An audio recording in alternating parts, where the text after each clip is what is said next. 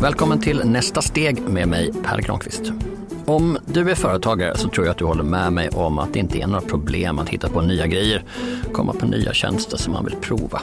Men hur man vet om idén flyger, ja det är något helt annat. Dagens avsnitt handlar om att lansera helt nya tjänster. Vad ska man basera kalkylen på? Eller vågar man lita på känslan? Och hur stor del av pengarna ska man egentligen lägga på testgrejer? Svaret finns i Dalarna.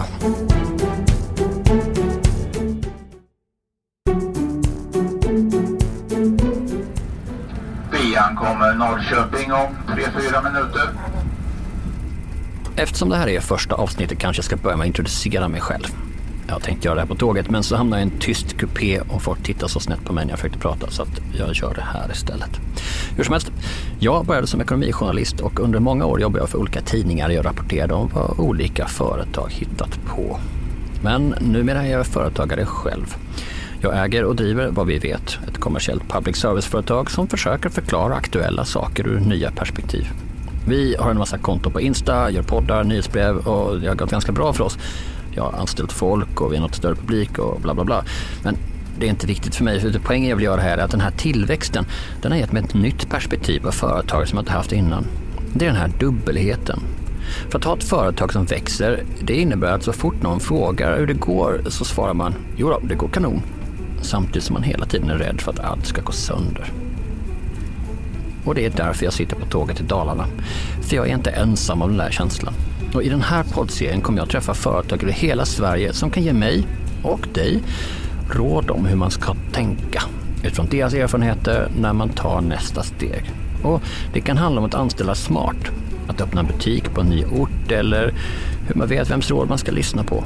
Eller som idag, att lansera helt nya tjänster. Jättestora på lampor och det tycker jag är kul också. Att vi har ju vårt eget lampsystem och man behöver hitta nya delar. Lampa är ju inte bara en lampa. Men det vi säljer mest idag det är LED-listor till exempel. Det är topppopulärt. Det går ju trender i allting och nu är det LED-listor som är det stora. Vi befinner oss på lampavdelningen alltså, hos Clas Olsson närmare bestämt. Och de har inte bara lampor utan säger på fullt allvar att de har allt man behöver. Och sen här är lite så stora glödlampor med snygg glödtråd. Är det på väg ut? Nej, det är faktiskt på väg in mer skulle jag vilja säga. Eller fortfarande på väg in? Ja, och jag, jag kan ju tycka också, tittar man på vad vi har gjort hittills då, Clas Ohlson har varit mycket så praktisk funktionalitet, men vi börjar mycket mer med design och mera delar som funkar liksom. Och eh, stora glödlampor kommer hålla ett par år till. Nu kanske du tänker lite olika saker, som att du ska komma ihåg att köpa stora glödlampor för att hänga med i tiden. Och så kanske du undrar varför jag betar mig till Clas Olssons butik vid Insjön mitt i Dalarna. Alltså inte varför just till platsen, men varför just till dem? De är gamla, omsätter miljarder och delar väl inte alls samma utmaningar som oss som driver mindre bolag? Jo, faktiskt. För en grej jag upptäckt är att om man bortser från vad de gör så finns det mycket man kan lära sig av dem också, de stora. På samma sätt som de kan lära sig av mindre företag. Clas Olsson är ett företag som hela tiden satsar på nya grejer, så det var därför jag ville träffa dem, för att lära mig hur den processen ser ut hos dem. Sofie Struve heter jag och jag jobbar som kommersiellt ansvarig på Clas Ohlson. Det innebär ansvar för sälj och marknad, eller för att göra enkelt, all försäljning i butikerna och på nätet, eller e-com som hon säger.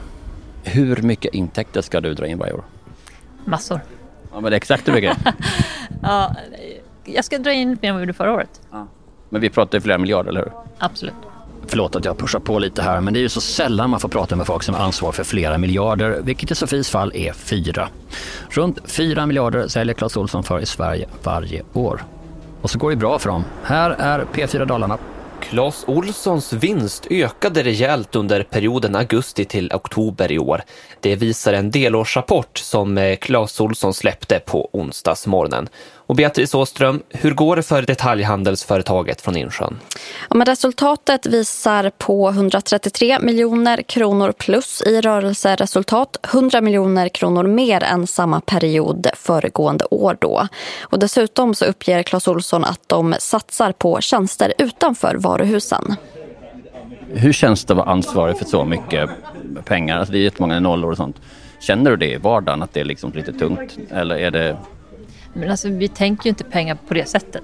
Alltså, jag tänker bara, jag ska växa. Vi ska växa varje år. Vi vill eh, frälsa fler kunder med våra produkter, vårt erbjudande. Och det är så man får tänka. Ska jag börja tänka miljarder så, nej men det går ju inte. Så du känner inte liksom att du blivit nervös för det, utan du fokuserar på procenten? Ja, det blir ju så. Vi ska växa mer än förra året. Och sen vet vi, vi har en grundförsäljning så den vet man ju kommer med. Sen är det självklart i retail-klimatet, allting som diskuteras nu, att ja, retail-döden. Eh, men, men jag måste säga att men pengar kan man, klart man är viktigt med pengar, det är inte det. Men det handlar om att man har en sund tillväxt, det är det i slutändan. Vad är grundförsäljning? Bassortiment och allting vi har idag, vi har 15 000 artiklar idag.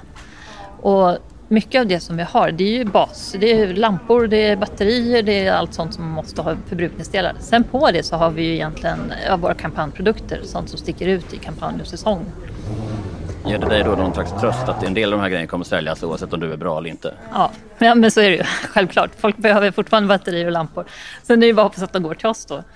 Även om Clas Ohlson försäljning på nätet växer snabbt så kommer det mesta fortfarande från butikerna. Så en fråga jag har till Sofie är hur man budgeterar för något som ska växa snabbt och som växer snabbt.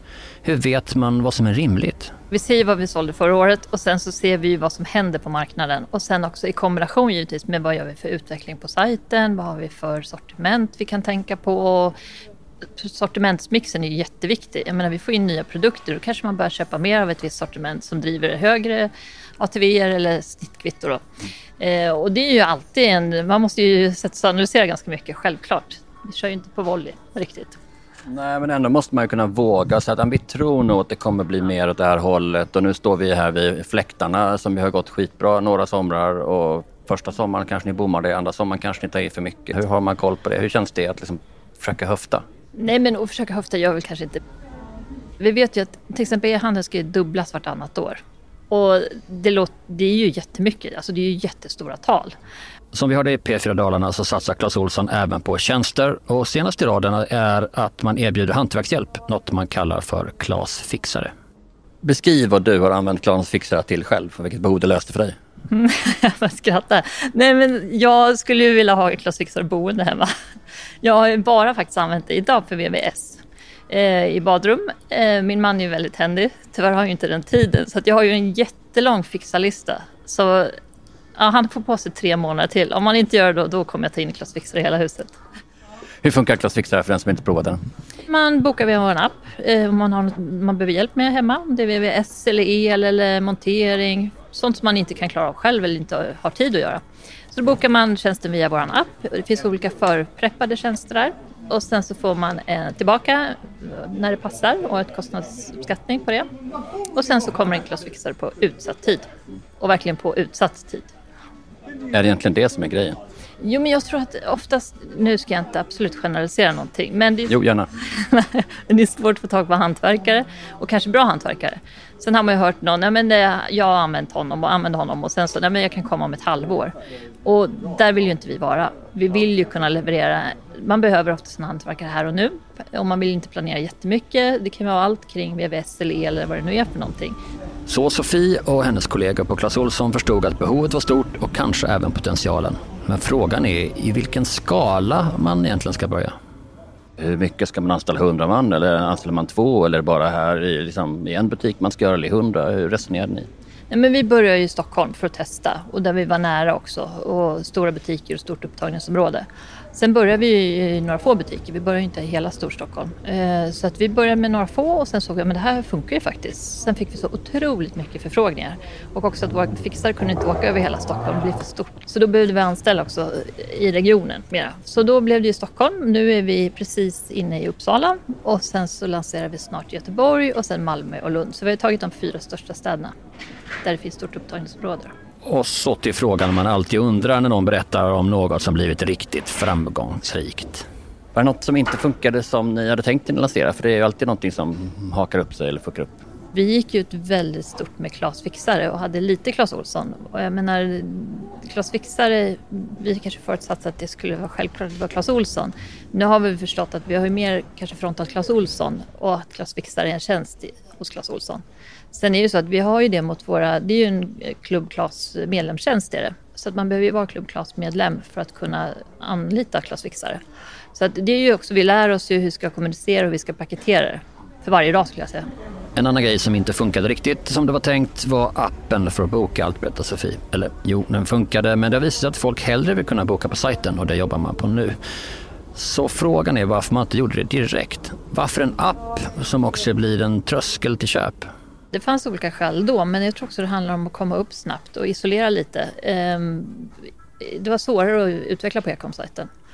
Och eh, vi hade ett team som kunde utveckla en app och då tänkte man att det kanske är bra att börja där och att det blir isolerat så att man verkligen får en tjänst och så vidare. Men vi inser nu att appen, om man skulle utveckla den mer så skulle den ju kunna fylla andra funktioner med rådgivning i appen och så vidare. Men där är vi inte riktigt. Men jag tror att det blir jättebra nu att komma in på sajten så att man får ihop det. Men var det också ett sätt att liksom kunna säga att okej, okay, vi provar det lite här borta och sen om det skiter sig så kan vi också liksom bara döda det där borta i skuggan? Jag tror inte vi tänker så alls. Vi vill ju inte att det ska skita sig, men det är klart att nej, det ska jag inte säga. Det var inte alls den approachen som var. Men behöver man inte ha en plan för att det skiter sig? Eller är, liksom, är grejen just att inte ha en plan för att det kan gå åt helvete? Ja, men det är samma när man går in i försäljningsår. Man tänker inte att det ska gå åt helvete utan man tänker att man hittar lösningar på om det skulle falla av plan. Jag menar, självklart går det inte spikrakt. Man har alltid plan B, plan Ö. Eh, men man förutsätter inte att det ska gå åt helvete. Nej, för då hade man inte gjort det. Nej, då hade man inte börjat från början.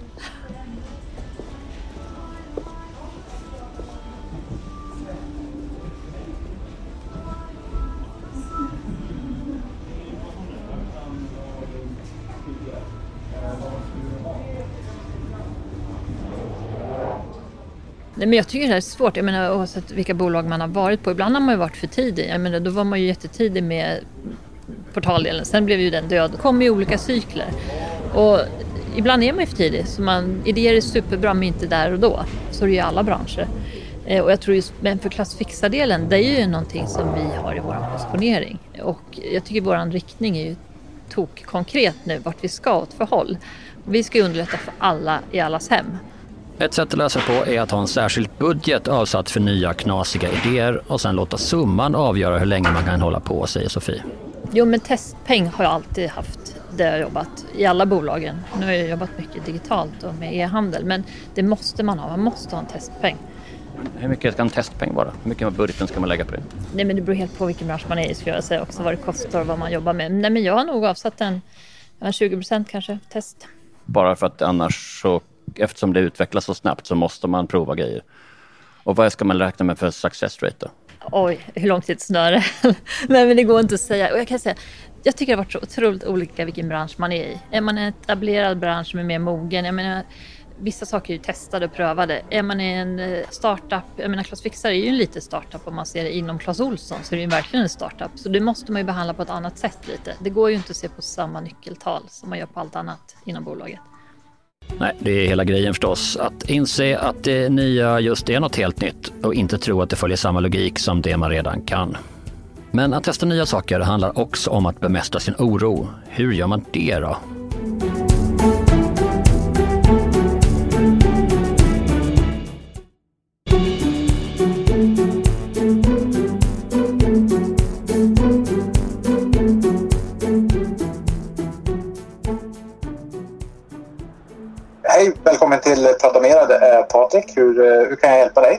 Prata Mera är en online-terapi med bas i Falun. De hjälper människor över hela landet med terapi på distans.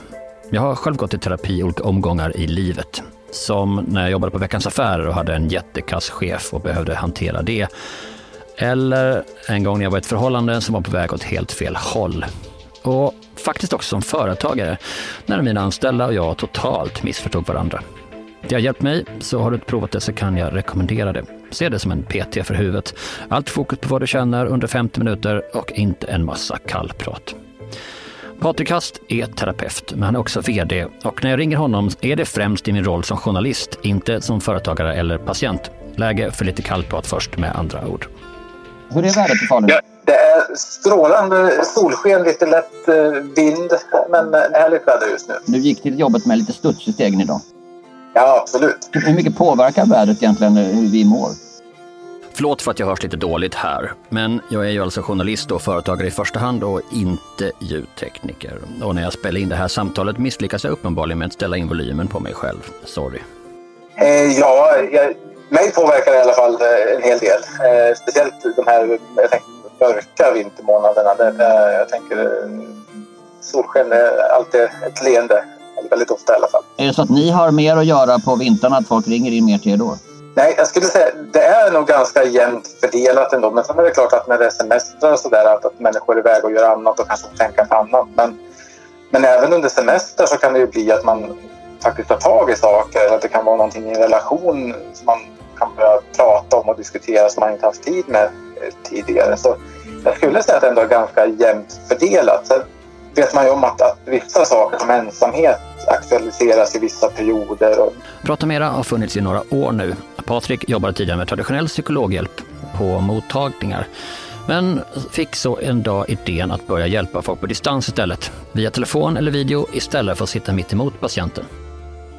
Det startskottet som blev en liten extra sån utlösare var när eh, min sambos föräldrar började diskutera problemet att ha tillgång till psykologer där de bodde.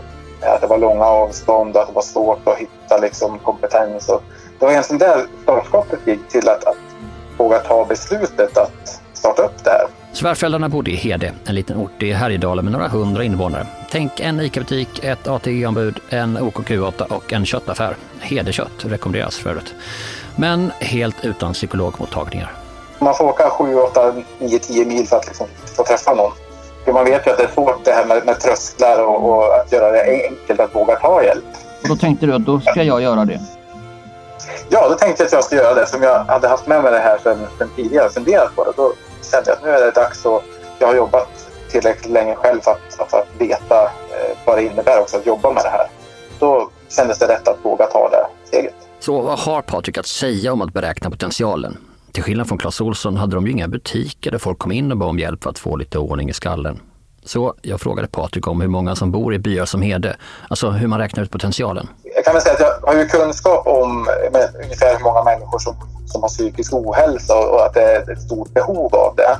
Sen fanns det ju verksamheter som jobbade mer fokuserat mot medicinsk vård som hade kommit upp något år tidigare också. Så egentligen så visste jag väl inte till hundra procent. Vi hade inte gjort någon undersökning egentligen heller utan det var mer en, en tilltro till att, att det här skulle kunna funka utifrån att, att det redan hade kommit igång, att, att Sverige är ganska digitaliserat. En form av onlinehjälp har funnits ganska länge där man jobbar med sånt eh, internet-KBT eh, och den är ju väldigt verksam eh, och har funnits ganska länge och är en hel del som använder sig av. Patrik gick på känslan alltså, och vem har inte gjort det? Men hur kände han då inför att ta risken? Ja, det, det, det är ju med blandade känslor. Man slits mellan, säkert inte bara i det här risktagandet utan säkert när man startar företag, att, att, att det är blandade känslor i att man vet inte, för, speciellt första gången man gör en sån här resa, om det kommer funka och vad det innebär. Och även om man kan läsa sig till saker och försöka förstå så, så vet man ju faktiskt inte. Så, så eh, det var väldigt blandade känslor och eh, har väl gått upp och ner känslomässigt under den här resan för min egen del, absolut. Vad är det som gör att det går upp och ner? Jag menar, å ena sidan då finns det ju en tilltro till att man, både en tilltro hos kanske mig själv då som, som person, att, att liksom vara uthållig och våga göra det här. Samtidigt då så, så går det kanske inte alltid så fort som man önskar och, och man kanske slits mellan att men, fasen kommer det här att funka? Att man börjar tvivla och, och, och då, då är det jätteviktigt att ha stöttande personer runt om sig som hjälper en att se ur ett annat perspektiv. Vilka personer har du haft runt dig som har hjälpt dig att se ur andra perspektiv? Och vad har, de, vad, vad, vad har de då sagt som har varit tröstande för dig eller som fått dig att inse att du, du inte är galen? ja, jag måste bara säga jag kommer ihåg, jag, kommer ihåg, eh, jag sa till min sambo, men herregud, det händer ju ingenting. Ska det gå så här långsamt? Och så säger hon till mig, men Patrik, det har gått en vecka. Du kanske ska vänta lite. Jag tänker att min, min sambo har ju hjälpt mig väldigt mycket att kunna, det är hon som är närmast förstås att bolla och stötta och sådär. Så det, eh, han kommer med, med kloka perspektiv. Men sen, sen, finns det ju väldigt mycket bra hjälp att få runt om tycker jag. Det finns många professionella personer som man kan få hjälp av. Jag tror det är jätteviktigt att våga ta den hjälpen så att man inte liksom lägger allt på sig själv utan man, man behöver hjälp under den här resan. Liksom. Det, det är viktigt. Det finns något paradoxalt i Patriks berättelse här. En dubbelhet som också fångar den här grejen jag pratat om med att samtidigt känna att allt går toppen och att allt kan gå sönder. Att kastas mellan hybris och självtvivel. Patrik är ju terapeut och hjälper människor att förstå sig själva och sina känslor och bemästra dem så att man kan fatta sansade beslut. Men samtidigt är han företagare som börjar hela sin verksamhet för att han fick feeling, för att han trodde att det skulle gå. Och det känner jag också igen mig i, den där striden mellan förnuft och känsla. Så jag frågar Patrik om man ens kan få något att växa om man har fullständig självkännedom. Det kan till och med vara att det är så att en grundsten för att starta nya saker är att ha lite dåligt omdöme. Ja, kanske på ett sätt. Jag tänker att man behöver ju... Det här risktagandet måste ju finnas där i det här perspektivet. Att våga, våga tro och våga göra de här sakerna. Och Våga liksom inte måla fan på väggen utan tro att det här kommer att gå så jävla bra. jag tänker att det måste, det måste finnas någonting i att, att eh, våga tro på, på, på, det, på det sättet. Eh, samtidigt så är det klart att man slits ju mellan att ha det och sen också försöka vara logisk i det här. Att liksom vara resonerande och liksom att se när saker inte funkar och när det funkar och kunna släppa taget. Och det är verkligen en balansgång tycker jag. Att få det att, att funka liksom både med externa personer och med sig själv. Och, ja, det, det är verkligen en, ett balansspel på olika sätt. Känns det lättare när solen skiner? ja, absolut. Mycket lättare. Så kanske ska man omfamna lite den där obehagliga känslan, den där oron. Under intervjun så frågade Patrik det här, men nu när jag lyssnar på inspelningen i efterhand så kan jag inte avgöra om det är journalisten Per eller företagaren och patienten Per som frågar. Fast det kanske inte spelar någon roll. Jag tycker själv att jag har lite problem att hitta den där rätta nivån av hur orolig ska jag vara. Det här är en bra nivå av orolighet. Och det här är liksom ångest och det här är liksom självgodhet. Fördelen med att jag, jag jobbar med det här, apropå oro då, eh, jag har jobbat med det eh, mycket och eh, man brukar skilja på konstruktiv och icke-konstruktiv oro. Jag tänker att oro har ju en jättebra funktion när den är drivande och får mig att hitta på lösningar för någonting. Men är det liksom inte ett problem att det inte finns någonting, att det inte finns en lösning på det, då är det ju en, en kanske destruktiv oro. Men jag tror absolut att oro är hjälpsamt. Det hjälper mig att vara påhittig och hitta lösningar och, och nya inriktningar. Och, ja, men jag, jag tycker att det har varit hjälpsamt med en viss mått av oro. Så vilka tecken ska man leta efter om man vill förstå om ens oro är hjälpsam eller inte? Ja, men jag, jag tänker det här med att fråga sig själv alltså om det verkligen leder någonstans. Om jag bara kommer tillbaka till samma oro, att det blir som ett ältande nästan. Jag menar om jag, om jag har en oro för någonting, att ja, men, jag ser ett hinder och sen så listar jag ut en lösning som gör att vi tar oss till som funkar för att lösa det.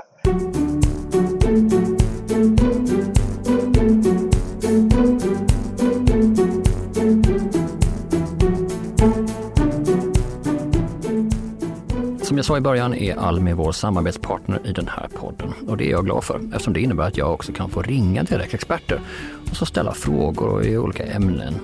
Och då får man lära sig massa saker med tanke på många företagare de sett lyckas men också många de sett misslyckas. Så det är lite de lärdomarna jag vill att man ska få ta del av här.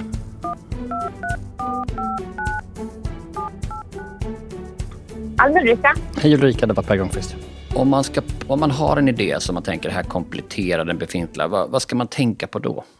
Om man tar fram en ny innovativ tjänst så behöver den ju inte alltid komplettera det man har i det kunderbjudande man har utan det viktiga kanske är i så fall att det kompletterar den verksamhet man har, de resurser man har så att man får in det på ett bra sätt utan att man behöver skala upp hela verksamheten i form av personal och digitalisering och lokaler och så. Utan finns det en, en ny möjlighet att hitta en, en ny tjänst som inte någon har gjort tidigare så är det ju toppen så. Då kan det ju vara att man har flera olika affärserbjudanden i ett företag. Ah, så du tänker att man ska titta på ungefär som när man ska göra en resträtt, att man tittar på vilka grejer har jag redan ganska mycket av och som jag kan göra mer av? Ja, men det är ju en, en metod att man kan komplettera och utveckla det man har. Men annars är det ju gärna att man hittar på något helt nytt. I konservativa branscher till exempel, där, där man är van att allting sker som det alltid har skett. Där har man ju störst möjlighet att nu komma med nya innovativa tjänster som man inte har gjort på något sätt. Men hur vet man liksom vad som är potentialen? Jag menar jag kan ibland komma på någonting och så får man lite feeling och tycker fan det här, det här kommer ju bli så himla bra. Det här kommer ju alla vilja ha. Det kommer bli en sån toksuccé. ja, exakt. Och det där har jag ju ofta just att det här vill alla ha. Men jag, det viktiga här det är att försöka hitta eh, ett kundbehov. Du har, ju, du har ju tänkt själv att det här är ett kundbehov. Men sen gäller det att verifiera att det är många som har det, samma kundbehovet. Att det är det här de verkligen vill ha. Och då gäller det att fråga kunderna tidigt. ta in kunderna i processen, tänker jag där. Och fråga dem, är det verkligen så här? Prata med riktiga människor, det är egentligen det du säger. Ja, prata med riktiga människor som inte är ens kompisar eller släktingar. Sådana som vågar säga ärligt att jo, men det här är så pass intressant att jag skulle kunna tänka mig att köpa det. Finns det någon bra process? Det här låter som första steget. Finns det några fler sådana steg man ska gå igenom? Har ni någon sån process som ni jobbar med när ni ska hjälpa företag? Framförallt att hitta ett, ett kundbehov och när man då frågar på den här första idén man har och så säger kunden nej men det här kanske inte riktigt det jag har tänkt mig utan jag har tänkt mig det här. Att då våga släppa den första idén man har och kanske tänka om och ändra i ja men det är kanske så här tjänsten ska se ut istället. Och just när det gäller tjänster så är det ju ganska lätt att ändra eh, det, det, man har tänkt från början. Utan man vågar släppa och våga ändra och tänka om hela tiden under processens gång. Det är jätteviktigt. Och det gör man ju tillsammans med kunderna. Är det rent av så att det är ja. en av de vanligaste felen som du ser att entreprenörer gör? Att man som företagare håller fast i den där första delen, det där jag tänkte, gud det här kommer ju alla vilja ha. Ja, man håller fast vid det, det man själv har trott är behoven utan att våga testa och ändra på det. Och, och samtidigt att man tror att det här vill alla ha. Hur beräknar man sen potentialen? Man har pratat med folk, hur vet man liksom i vilken skala man ska lansera? Hur vet man hur mycket pengar man ska stoppa in? Sofie på Clas Olsson pratar om att hon alltid har liksom ett som experimentkapital eller som en testbudget och sånt. Är, det, är det eh, någonting som man kan ha även om man inte eh, är ett jättebolag som Clas Olsson? Från att idén kläcks till att den kommersialiseras och börjar tjäna pengar. Att man tänker hur mycket kommer det här kosta att utveckla? Och sen försöka lösa det i små steg, etapper inte liksom lägga in all pengar på det första man gör. För är det så att man måste ändra och utvärdera, då behövs det... Och verkligen jobba mot dem. Så man, inte, så man inte tar liksom alla, alla människor i Dalarna på en gång utan man vill ha bara Nej. dem i, i, i Tällberg som är mellan 45 och 55 nu? Exakt. Det här är verkligen våra idealkunder. Jobba mot dem. Och försök gärna få med en kund som kanske är en sån här early adapter. Att de vill vara med och finansiera det här och vara med och testa. Som säger liksom, ja men vi kan vara med i er utvecklingsprocess och vi kan finansiera vissa delar av det här och ni står för vissa delar. Det, för då får man verkligen en kund som sen troligtvis kommer köpa också. Ja, verkligen. Det låter ju som en kanonbra idé. Sen är frågan hur länge man ska mm. hålla ut. Jag fick ett råd nyligen, jag hade en idé vi ska göra där liksom jag tycker, ah, det här, vi får ge det lite tid, vi får ge det lite tid. Och så var någon i min styrelse som sa att nu skriver du ner på en lapp. Det här ska ha hänt om två veckor. Och har det inte hänt om två veckor, döda skiten. Är det ett bra råd jag fick där? Två veckor tycker jag är alldeles för kort tid. Det jag tycker är ett, ett bra råd är att man sätter upp mål och mäter tal. Som till exempel, på två veckor ska jag hitta tio kunder som vill testa. Och hittar man inte tio kunder som vill testa, ja men då kanske man ska lägga ner om man inte ens vill testa. Liksom så. Men att tänka sig att en tjänst tar två veckor från början till slut, det, det, tycker jag är kort tid. Det finns någonting i det där rådet om att, liksom, att från början bestämma hur lång tid man ska ge det och vad man hade för att man, så att man påminner om sig själv. För sen har det plötsligt gått tio dagar och man tycker ändå att det är lovande och har glömt bort det där. Utvecklar en process, en tjänst där, så går man igenom olika faser. Och i de här faserna, man kanske får många nej.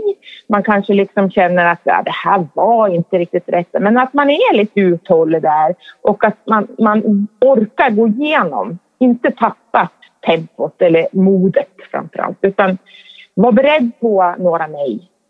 För till slut kommer ja om man är beredd på att ändra och anpassa efter behovet som det är. En annan grej som också är viktigt det är att man arbetar i parallella processer hela tiden. Man jobbar med sitt kunderbjudande. Man, man jobbar med att hitta marknaden och sälja, gärna samtidigt. Eh, och man jobbar med att hur ska det här implementeras i det företaget man har? Hur, hur ska vi bygga, lägga resurser på det här för att det ska fungera? Sen tycker jag såklart att man ska ha med digitalisering redan från början. Att när det här skalas upp, när, när företaget är tio gånger så stort, har vi digitalisering med oss i det då, som, redan, som kommer funka hela vägen. Men har man inte det? Det är liksom 2020. Vem tänker inte digitalt idag, eller? Det är många som inte tycker att man behöver ha något digitalt. Det är såklart, det tror vi kommer ju eh, bli bättre och bättre. Men det kan ju vara så att man bygger in sig i ett system eh, som finns ett stopp. Det kanske man inte vet om att det finns ett stopp, men att man tänker att man när man börjar med ett system att man tar det modernaste som finns just då. Sen är en annan viktig aspekt är ju att det är hållbarhet i det här. Att man jobbar med de frågorna parallellt också.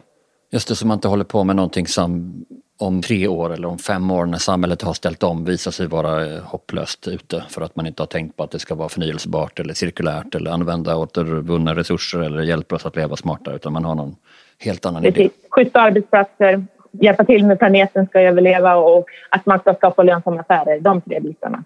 Sen ett annat tips också tycker jag att man ska inte vara rädd för konkurrens. Förklara. Just innovativa produkter eller tjänster är ju, finns en tröghet i att kunderna ska köpa det här. Och är man fler som hjälps åt att, att tala om att den här tjänsten finns, ju fler kommer ju veta om att den finns, ju fler kommer få ett behov att köpa den här tjänsten.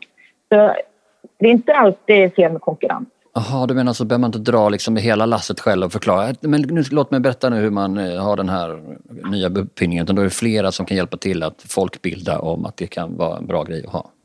Ett exempel är ju alla dessa matkassar som finns. Jag är övertygad om att de som kom från början har fått hjälp av... Det finns andra matkassar idag som tillsammans har de skapat behov ute på marknaden. Så att idag köper många fler matkassar än om det bara hade varit det första företaget som erbjöd det. En sak som jag nu som jag märker på de flesta kunder, de vill utveckla, de vill inte sälja. Och jag kan känna att de kunderna som jag verkligen tror på och kommer lyckas, det är de som vågar sälja. Som vågar få något nej. Som, som vågar få kanske tio nej innan de får en, en kund. Liksom. De, det är de som kommer lyckas. Det är, många gånger drivkraften är att den här grejen kommer ut på marknaden, inte att det är de som gör det och tjänar pengar på det. Men min erfarenhet är att de som har den tanken att det här ska jag tjäna pengar på, det är de som kommer lyckas. Tack snälla för att jag fick eh, ringa dig. Tack själva. Tack för att du lyssnade. Känner du en annan företagare som du tror skulle känna samma sak? Men tipsa dem då om det här avsnittet. Använd dela-knappen i din app och messa, whatsappa, mejla och så vidare. Och när du ändå är inne i appen, glöm inte att följa och prenumerera på podden för att inte missa kommande avsnitt. Jag heter Per Granqvist, producent är Jens Back som också klippte dagens avsnitt och alltså driver Straydrog Studio Stockholm som är några jag varmt kan rekommendera för den som behöver poddklippning. Nästa steg är en podd från Vad vi vet. Följ oss på Vad vi vet på LinkedIn eller på www.företag på Insta, alltså www med enkel v, utan prickar. Så www.företag. Det var allt vi hade för idag. Vi hörs snart igen.